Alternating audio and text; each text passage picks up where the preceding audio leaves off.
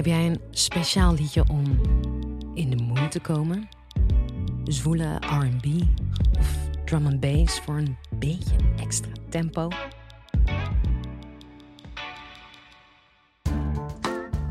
Ieder jaar deelt Spotify op basis van gebruiksdata een ideale seksplaylist.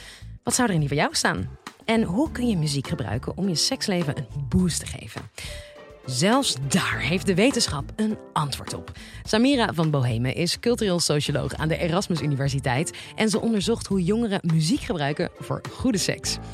Samira, is er één liedje met gegarandeerd succes tussen de lakens? Uh, nee, het antwoord daarop is, is vrij simpel nee. Maar tegelijkertijd zitten er wel, er zijn wel bepaalde patronen uh, die je kan uh, ontwaren als het gaat over wat mensen goede muziek vinden voor goede seks. Nou, laten we dan snel beginnen met de wetenschap. Dit is de Universiteit van Nederland.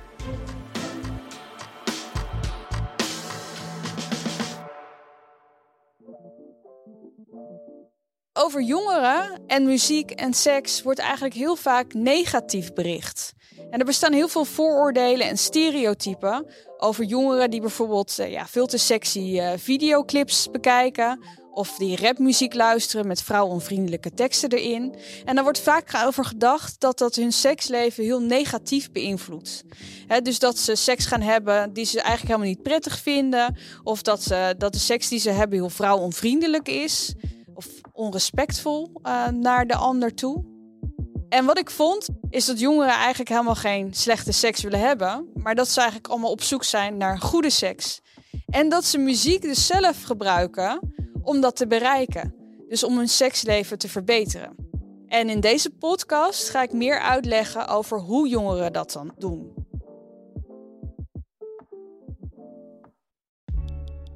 Ik vroeg deelnemers voor mijn onderzoek om een ideale seksplaylist te maken. Sommigen bleken er al eentje te hebben, Anderen gingen voor mijn onderzoek op zoek naar welke muziek volgens hen bijdroeg aan goede seks. En opvallend genoeg zat er heel veel variatie in.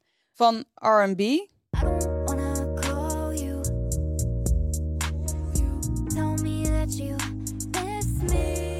Tot pop. Tot elektronisch. Zelfs Chopin kwam langs.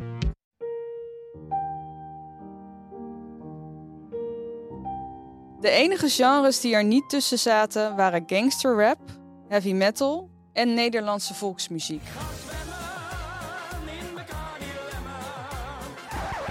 Deelnemers uit het onderzoek kwamen unaniem overeen: deze muziek kon niet worden geassocieerd met goede seks. Hazes en Metallica werken niet sfeerverhogend onder de lakens, zo blijkt. Maar wat is dan goede seks? Uit mijn onderzoek blijkt dat er opmerkelijke overeenkomsten zijn in hoe jongeren hierover praten. Een tijdelijke bevrijding van de alledaagse sleur en van dwang. Goede seks, zoals beschreven door de jongeren die ik onderzocht, is verder een ervaring die je deelt met een ander persoon. Waarbij je je op je gemak voelt, waarvoor je de tijd neemt, waarbij je helemaal opgaat in het moment en een ervaring die even plezierig is voor alle partijen. En hoe helpt muziek dan bij goede seks? Is de volgende vraag. Allereerst doordat het sterk verbonden is met onze herinneringen. Dat blijkt niet alleen uit mijn onderzoek naar muziek en seks, maar ook uit meerdere onderzoeken die zijn gedaan naar muziek en toerisme. Op het moment dat je iets positiefs meemaakt, zoals fijne seks, en daar speelt een bepaalde soundtrack bij op de achtergrond, dan heb je een grote kans dat dat fijne gevoel weer naar boven komt als je dat nummer weer een keer hoort. Sommige jongeren die ik interviewde gingen hier strategisch mee om door muziek te selecteren in een seksplaylist die niet heel bekend was. Omdat deze muziek voor henzelf en voor hun partners nog niet verbonden was met andere herinneringen, kon het makkelijker worden gebruikt om de seks specialer en gedenkwaardiger te maken. Als je het nummer dan later bij toeval nog een keer hoort, denk je makkelijker terug aan dat ene moment. Daarbij helpt muziek ook tijdens de seks zelf, doordat het een verandering kan brengen in onze emotionele staat. In hoe we ons voelen, hoeveel energie we hebben en waar we ons in ons hoofd mee bezighouden. Denk maar eens aan een situatie waarbij je eigenlijk je huis moet schoonmaken, maar je hebt geen energie. Wat helpt dan? Muziek aanzetten met een beetje ritme erin. Daarom zie je dat veel mensen bijvoorbeeld sporten met muziek op. Het ritme en soms ook de tekst van de muziek helpt ze om meer energie te hebben, om door te zetten. Datzelfde geldt ook voor de seks. Daarom gaven veel van de jongeren die ik onderzocht aan dat ze door de muziek ook in de juiste gemoedstoestand of stemming voor de seks gebracht konden worden.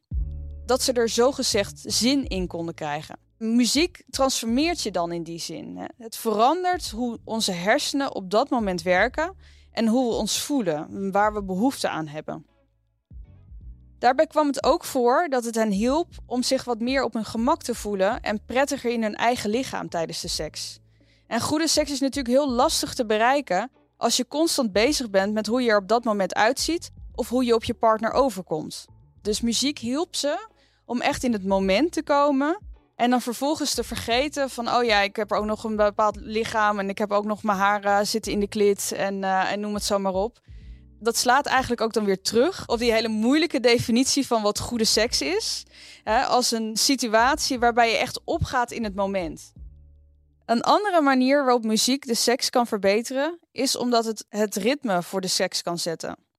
En dan heb ik het zowel over het ritme van de bewegingen tijdens de seks, als over hoe mensen overgaan van het ene seksuele en emotionele fase naar een ander. Er waren inderdaad jongeren die dus ook echt hun playlist zo hadden ingedeeld van, nou dan hebben we, heb ik deze vijf nummers, dat is voorspel. Dan heb ik deze zes nummers, dat is voor de seks zelf. En dan gaf de jongen in dit geval ook aan van, en bij, als we bij dit nummer zijn, dan weet ik ook, dan moet ik er een beetje kracht achter zetten, want dan moet het wel tot een climax komen. Want daarna beginnen de cooling down nummers te spelen. Dus eigenlijk hetzelfde wat je ook ziet bij mensen die sporten. Daar heb je ook mensen die hebben gewoon uh, ja, nummers voor uh, de warming up. En dan voor het keihard sporten. En dan voor de cooling down. Dus het helpt in die zin in de non-verbale communicatie. Je hoeft dan niet uit te spreken wat de volgende stap in de seks gaat zijn. Of waar je op dat moment behoefte aan hebt. De muziek kan dit tot op een bepaalde hoogte voor je doen. Zo legde een van de jongeren uit dat hij in zijn seksplaylist een wilder nummer had opgenomen. En als dat nummer opkwam, merkte hij dat hij en zijn partner samen wilder werden. Je gaat dan als het ware mee met de sfeer van de muziek. En als je een goede playlist hebt die dat op een goede manier stimuleert, zo stelde hij, dan kun je daardoor ook betere seks hebben. Persoonlijk vind ik dit dus een van de interessantste onderdelen van muziek dat het echt dingen in werking zet in ons lichaam. En hierbij gaat het over de eerder genoemde emoties, waarbij muziek je van één emotionele staat naar een andere kan brengen. En bijvoorbeeld van een neutrale emotionele staat naar een staat waarin je wel zin hebt om seks te hebben. En hierbij zet de muziek ook echt fysieke veranderingen in ons lichaam in werking. En denk er maar eens aan als je een nummer heel erg mooi vindt, dan kun je ook in vervoering worden gebracht. En dan heb je ineens kippenvel of tranen. En ook in die zin kan muziek helpen bij het hebben van betere of fijnere seks. Omdat het ook echt veranderingen in het lichaam kan stimuleren, waardoor bepaalde aanrakingen bijvoorbeeld prettiger aanvoelen.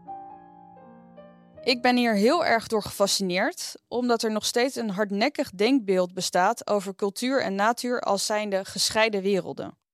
En met cultuur bedoel ik in dit geval de betekenissen die wij als mensen geven aan alles wat we meemaken.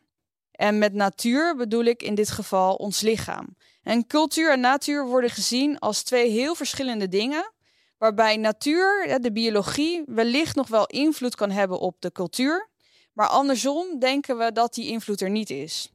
En wat mijn onderzoek naar muziek en seks laat zien, is dat dit dus echt niet klopt. Muziek als cultuurproduct kan daadwerkelijk dingen veranderen in ons lichaam. Overigens moet ik daarbij direct vermelden dat dit niet alleen uit mijn onderzoek blijkt, maar ook uit onderzoek in de psychologie en in de medische wetenschappen. Dan is natuurlijk ook de vraag van, maakt het dan nog uit om wat voor type muziek het gaat? Hè? De, de openingsvraag, is er een specifiek nummer? Doen de kenmerken van de muziek zelf er ook toe?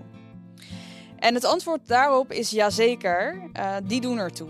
Maar het belangrijkste is de wisselwerking tussen die kenmerken, zoals bijvoorbeeld ritme, toonhoogte, tekst, etc. en de betekenissen die mensen daaraan geven. Ik kan bijvoorbeeld een nummer van Dolly Parton heel erg mooi vinden.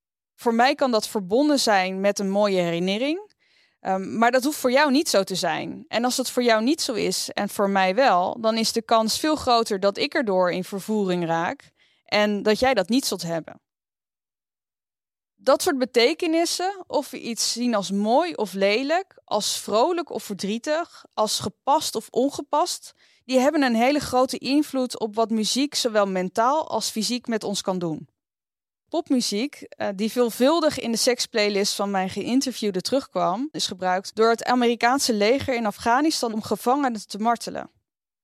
De Afghaanse gevangenen die vonden deze muziek afgrijzelijk. Voor hen deed het letterlijk pijn om die muziek te luisteren.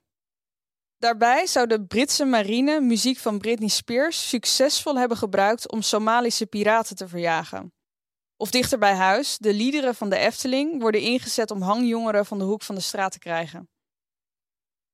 En toch is het niet zo dat alleen onze cultuur bepaalt hoe muziek ons mentaal en fysiek kan laten voelen. Hier ligt wel degelijk ook een rol voor de kenmerken van de muziek zelf. Op een snel ritme of op een ruige tekst is het moeilijk om een rustige of liefdevolle seks te hebben.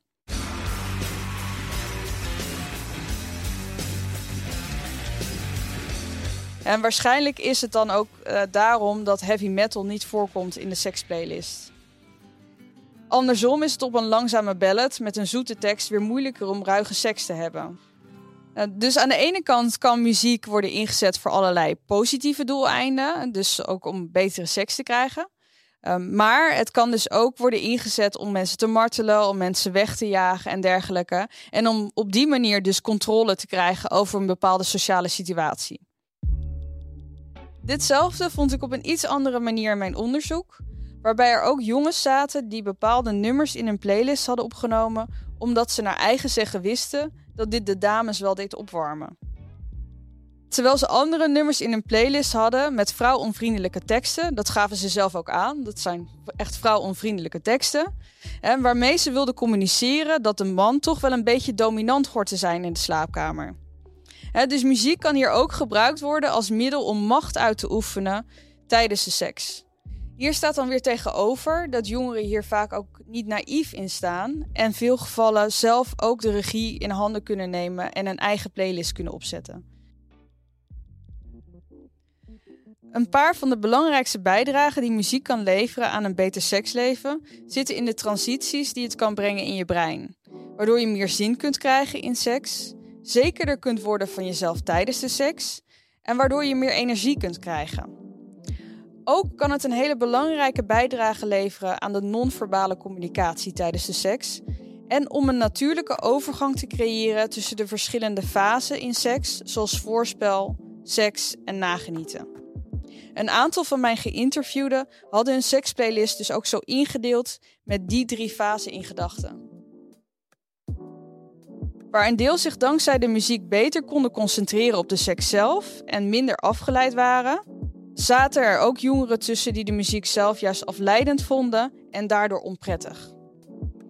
Het aanzetten van een playlist tijdens de seks is daarom niet voor iedereen. Maar een groot deel van de jongeren vond het om die eerder genoemde redenen wel heel prettig dus het is iets waar je ook mee zou kunnen experimenteren. Dus heb je dit nog nooit gedaan, dan zou je het een keer kunnen proberen. Maak een playlist en kijk of dat het iets voor je doet.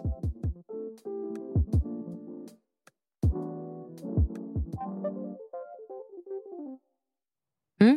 Wat? Oh, sorry. Ik was heel eventjes mijn uh, Spotify-lijstje aan het bijwerken. Dankjewel, Samira. Ik ben helemaal in de mood voor nog een podcast. Ha, en als jij dat nou ook bent, check dan ons kanaal, want we hebben er nog zo'n 400 plus voor je klaarstaan. Tot de volgende!